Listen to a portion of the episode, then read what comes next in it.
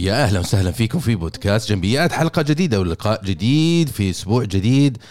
حياكم الله وبياكم. اليوم نلتقيكم في حلقة جديدة وديناميكية وتلامس أهم شيء اللي هي صحتك. معكم استضيفكم أنور جنبي استشاري في المبيعات وتطوير الأعمال ومؤلف كتاب فلسفتي في المبيعات. معكم على هذا البودكاست من 2015 اليوم لقائنا بنتكلم عن التوازن في حياة العمل كيف نتعامل مع التوتر ونحقق التناغم في العمل. زي ما أنتم عارفين في شيء اسمه احتراق ذاتي. الاحتراق الذاتي اللي هو إنك أنت خلاص استهلكت نفسك استهلكت قوتك استهلكت آه، تفكيرك وعنفوانك وشغفك. احتراق الذاتي هذه مشكلة تصيب كل صاحب أداء عالي خاصة رواد الأعمال. ليش؟ لأن رواد الأعمال يواجهون يعني سلسلة لا متناهية من التحديات. تحديات في الإدارة في المالية في التعلم في التطور في تنسيق صورتهم أمام الجميع. لأن ما يقدر يقول والله أنا ما أعرف قاعد أتعلم. لازم إنه يأخذ صورة معينة وهذا الشيء يستهلك الكثير من الطاقة. وكثير من القوة الشخصية لذا يبلغ الشخص رائد الأعمال إلى مرحلة يسمى الاحتراق الذاتي. إنه يوصل مرحلة خلاص إنه أنا تعبان. كفاية كده. وممكن إذا ما عالج هذا الموضوع ممكن إنه ينخفض الأداء ينخفض الشغف وممكن يسبب وصوله إلى التوقف. التام.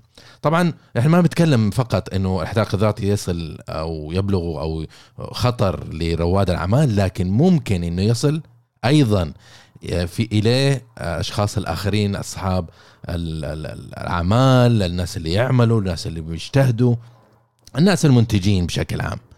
هذول الأشخاص سواء كانوا بائعين سواء كان تسويق سواء كانوا موارد بشرية سلاسل امداد ايا كانت عملهم ممكن إنه يصل بطريقة غير مقصودة إلى مرحلة يستهلك نفسه ويبلغ الاحتراق الذاتي لكن الخبر الجديد الخبر الجميل الخبر السعيد اللي أحب أزفه لكم إنه ممكن إنه نوصل إلى مرحلة نحقق فيها التناغم في عملنا.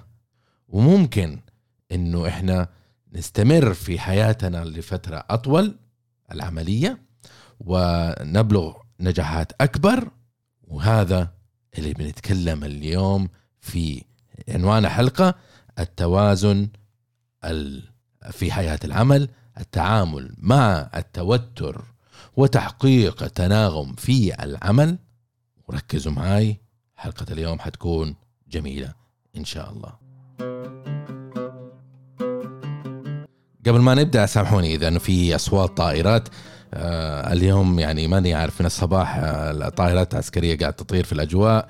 جعلوا إن شاء الله يعني الأمور أمان وسلام آه بإذن الله. الاحتراق الذاتي احتراق في العمل خطر لأن ممكن يسبب إنك أنت تتوقف عن حياتك العملية والإنتاجية والإبداع. ما تقدر تبدع وتنتج وتعمل أشياء جديدة وتعمل أشياء جميلة وتستمر في الشيء اللي أنت تحبه وتعشقه إذا بلغت الاحتراق الذاتي. الاحتراق الذاتي ممكن إذا كنت موظف يسبب إنك تستقيل. ممكن يسبب إنك إذا كنت رائد أعمال إنك تتوقف عن العمل. إنك تفوض زيادة عن اللزوم لفريقك تقول خلاص يا عمي سووا اللي تبغوه فكوني. ما عندك هذيك الشعلة اللي كانت معك يوم من الأيام. إذا فقدتها فاستمر. لأنه هذه الحلقة حنشارك معاكم استراتيجيات وطرق ومفاتيح تساعدكم في تجنب هذه الظاهرة. الاحتراق الذاتي شيء ممكن أن نتجنبه. إذا مارسنا استراتيجيات صحيحة وعادات صحية. وممكن بهذا النهج أنه نستمتع بالرحلة اللي إحنا نسلكها نحو هدفنا بنفس القدر وربما أكثر من استمتاعنا بالوصول لهدفنا المنشود. عزيزي المستمع وعزيزتي المستمع حدد إيش الأمور اللي تدق سلف لتوترك وتسبب لك ضغط نفسي أتذكر في مرحلة من حياتي أنا ما كنت مركز على هذه الأمور التوتر والاحتراق الذاتي يعني بسبب إنه أنا لما بدأت عملي دخلت في بيئة عمل علمونا إنه لازم تضحي بنفسك لازم ولاء لازم التزام. كنا يعني ذيك الأيام نشتغل في في مجال حفارات البترول نشتغل لفترات طويلة جدا. المهمة الواحدة ممكن تقعد ثلاثة أربع أيام نقعد في الصحراء نقعد في البحار. ما حد داري عننا ولا ولا يحزنون. وفي نفس الوقت الإجازات كنا نقعد بالسنة. بالشهور وبالسنوات وما ناخذ إجازة حتى يوم واحد لأنه ملتزمين وعلى هذا اللي علمونا وهذا اللي دربونا نعمله لكن عزيزي هذا خطأ. بعد تقدم السنين اكتشفت إنه هذا الشيء أثر على نفسي أثر على تركيزي أثر على صبري وعلى تحملي وصلادتي مما ينعكس على طريقة تفكيري وتعاملي مع الآخرين. تصير يا أخي. أخلاقك ضيقة. ما فيك تتعامل معهم وتستحمل الأفلام المضحكة اللي ممكن تواجهها في بعض بيئات العمل. لذا عليك أنك أنت تتبنى عادات صحية وتضع حدود. إنك ما تتعدى هذا هذه الحدود ابدا. لأنك تعرف إذا حددت إيش هي المشكلات اللي أو الحالات اللي تسبب لك اشتعال أو ارتفاع في التوتر كذا انت حميت نفسك صحيا انت عرفت فين تكمن المشكلة وتحد وتضع لها حد بحيث إنك انت ما تبلغها إلا إذا مجبور. والحياة هي اللي تحكم وتجبرنا وتفرض علينا السيناريوهات. احرص إنك انت تجدول وتضع أولوية للحركة للرياضة والتمرن والصحة لأسباب كثيرة. منها ما يخفى عليك إنك أنت لازم تحافظ على صحتك خاصة مع السنين وتتقدم في العمر. وحتى لو كنت شباب لا تغفل عن موضوع الصحة لأن الصحة اللي موجودة معك اليوم وأنت في العشرينات ممكن تذبل بسرعة. فبدل ما تروح في وقت بدل الضائع تحاول تبني نفسك وأنت في في سنين متقدمه ابني من الأساس. بنية أساسية تكون كويسة تساعدك خلال العمل. في شيء ثاني. ليش لازم إحنا نهتم بصحتنا؟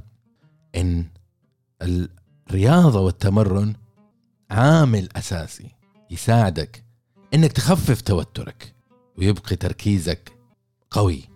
عليك أيضا إنك تهتم بعقلك. اقرأ تأمل خصص وقت لعقلك. تنميه تقويه تزيده معرفة. اقرأ كتاب. تحب في مجال تحبه.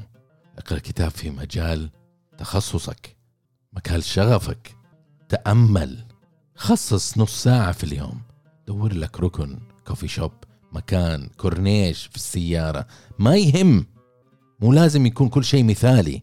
لكن المهم إنك تخصص وقت إنك تتأمل وتعمل نصف ساعة بدون تفكير. لاحظ إنه عقلك دائما طول اليوم شغال شغال شغال شغال شغال.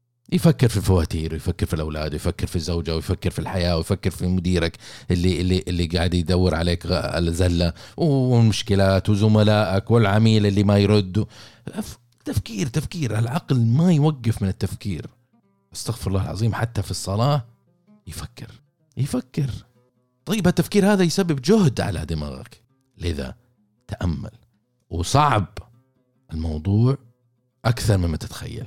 لأن لو تجرب من أول مرة حيكون صعب عليك أنك أنت تبقى ساكن بدون تفكير. لذا في البدايات خذها فترة قصيرة عشر دقائق ربع ساعة ثم مع الوقت زودها لنص ساعة ولا تزود أكثر من كذا. خليها سهلة لأنه السر في النجاح في تغيير السلوكيات والاستفادة القصوى من محاولاتنا ومبادراتنا إننا نستمر. مو نعمل شيء يوم يومين ونتوقف. عليك أيضا إنك تبحث عن مساعدة. حبيبي مو كل شيء لازم تسويه بنفسك. مو عيب إنك تطلب مساعدة من الناس. وما في أي غلط إنك تبحث عن شخص محترف يعمل لك مساعدة وكوتشنج يدربك يساعدك إنك توصل لهدفك بطريقة أسرع وبطريقه أفضل وبطريقة أحسن. للمعلومية كل رواد الأعمال الناجحين كل المدراء التنفيذيين كل أصحاب الأداء العالي عندهم كوتش. أحد يرشده أحد يشتغل معه أحد يثق فيه ويكشف له أوراقه يكشف له نقاط ضعفه. عشان هذا الشخص الثقة الكوتش يقدر يضع حلول ويساعدك للتقدم في حياتك. العملية والشخصية. لكن ابحث عن شخص ثقة. انتبه أنت ما تبي تضيع وقتك. ايا كان الموضوع. ابحث عن شخص الثقه تأكد منه أنه هو هذا الشخص اللي تبي تشتغل معاه وترتاح معاه وتوكل على الله. خصص وقت من اليوم إنك أنت تعمل ديتوكس إيش الديتوكس يا نور؟ ديتوكس عزيزي إنك تخرج السموم. خصص وقت للرياضة. خصص وقت للقراءة خصص وقت لل... للراحة خصص وقت للتأمل. لأنه حتى الشيء اللي نسويه كل يوم اللي هو النوم لازم تخصص وقت له. عادة من ثمانية لسبعة ستة ساعات هذا المجال اللي لازم تنام فيه. إذا كنت من الناس اللي ينام ساعة اثنين هذه مشكلة. ما بتتمتع بإنك تعطي نفسك فرصة إنك تنام النوم العميق. بتنام بس جودة النوم ليست اللي أنت تحتاجه. لذا خصص الوقت. لا تخلي الموضوع كمبادرات أوكي؟ خليني وقت ما أنا فاضي يلا خليني أقرأ كذا خمسة دقائق وخلاص انتهى الموضوع. خليني أتأمل. وناس قاعدين ينقزوا فوق راسك ومش عارف إيش وتقول والله أنا بتقعد أتأمل. لا خصص وقت خلاص. هذا الوقت المقدس المخصص لصحتك. تعلم إنك تفوض وتأتمت. تذكر لما قلنا قبل شوية مو لازم تسوي كل شيء بنفسك؟ لا مو لازم. تقدر تعمل شيء أفضل إنك أنت تفوض المهام اللي مو لازم تسويها بنفسك. خلي الناس يسوونها يا أخي عنك حتى لو تعطيهم فلوس. إذا كنت صانع محتوى أو مؤثر دور على واحد يساعدك في كتابة المقالات ده واحد يساعدك في ال scripting واحد يساعدك في ال upload ادفع يا أخي شوية.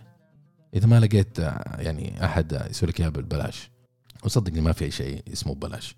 كل حاجة تستثمر فيه تصب في صالحك أنت سواء جودة عمل أو صحتك. أتمت أتمت النشر أتمت الردود أتمت التواصل أتمت آه، بناء علاقتك مع العملاء بقدر الإمكان من غير ما تضع خطر على الجودة لعملك. لا تنسى إنك انت تكون ممتن. وأعزائي هذه نقطة جدا مهمة. إنك انت تتمتع بخاصية أنك تكون ممتن بالنعم اللي أعطاك إياها الله بالأمور اللي في يدك بالأشياء اللي أنت تتمتع فيها. امتن إنك عندك وظيفة. امتن عندك مشروع تجاري. امتن إنه عندك صحة. امتن إنه عندك حولك زوجتك وأولادك. ولما تكون ممتن لا تنسى إنك تحافظ على ارتباط مع رب العالمين. حافظ على إنك أنت تبقي التواصل مع ربك بالدعاء والشكر. دائما احرص على جانب الروحانية من سعادتك. اذا كن ممتن. وتذكر وذكر نفسك دائما. لماذا؟ ليش أنا فاتح مشروع ريادة أعمال؟ عشان فلوس؟ عشان وضع اجتماعي؟ عشان سعادتي؟ عشان أستقل ماديا؟ تذكر. لأنه هذا يعطيك مبرر إنك أنت تهتم في نفسك تهتم في مشروعك ويبقيك شعلتك تشتعل ويبقيك تركض نحو هدفك. لذا ركز معي على النصائح اللي أبغاك تأخذها معك. أبغاك تستمتع دائما وابدا بتوازن بين حياتك وعملك. هذا الأمر ونجاحك في تحقيق هذا الشيء حيسبب ويساعد بإبقائك بابتكارية عالية بانتاجيه مميزة بالنهايه نجاحك التام. أباك تختار واحدة من الاستراتيجيات اللي ذكرناها اليوم. أبغاك تطبقها هذا الأسبوع. طبقها بنجاح. الأسبوع الجاي ضيف واحد ثاني. اللي بعده ضيف ثالث. وهلم جر التغيير يبدأ بخطوات ما يبدأ ب... بتحليق طيران. لازم تعمل خطوات صغيرة وتحتفل بانتجا... بانتصاراتك ونجاحاتك وتكمل وتزيد وتتحدى نفسك. أباك تعمل هذا الشيء. إذا مو عشاني شخص يعزك شخص يقدرك. فاعمله لنفسك اعمله لأسرتك اعمله لقصة نجاحك. وأبغاك تشارك معي. إيش صار معك مع هذه الاستراتيجية وتجربة التطبيق رد على في التعليقات سواء كان في بودكاست ولا في الموقع ولا راسلني ولا في ال social media. بهاشتاج التوازن. وحاحط لك وصلة لتحجز معي جلسة استشارية في وصف الحلقة لأن أنا أقدم مساعدة لكل رواد الأعمال المحترفين نجوم المبيعات. قدم لهم مساعدة كوتشنج طويل المدى تحويلي ليست جلسة نصائح وتنظير لا نضع مع بعض برنامج متكامل بحيث إنه أنت تتحول نحدد هدفك ونضع نشاطات وراقب معاك واستمر. هذه هي الطريقة المثلى اللي تتبعها لتحقيق نجاحك. عزيزي وإحنا وصلنا لآخر الحلقة، هذه الحلقة كانت مميزة وجميلة ومهمة لأنها تلامس نجاحك وتلامس ركز على صحتك عزيزي. صحتك مهمة. لا يمكن استبدالها. لا يمكن تعويضها. ما تقدر تروح تعمل زراعة لصحتك. النجاح يبلغ بشتى الطرق بإذن الله. لكن أبغاك إنك تبلغه وأنت سالم ومعافى بأقصر الطرق وأحسن الطرق. أستودعكم الله ويعطيكم العافية على وقتكم. ولا تنسوا تسجلوا معنا في الوصلة. تكتشف خلينا نتكلم ونكتشف كيف ممكن نساعدك بخدمات الكوتشنج يعطيكم العافية وفي أمان الله.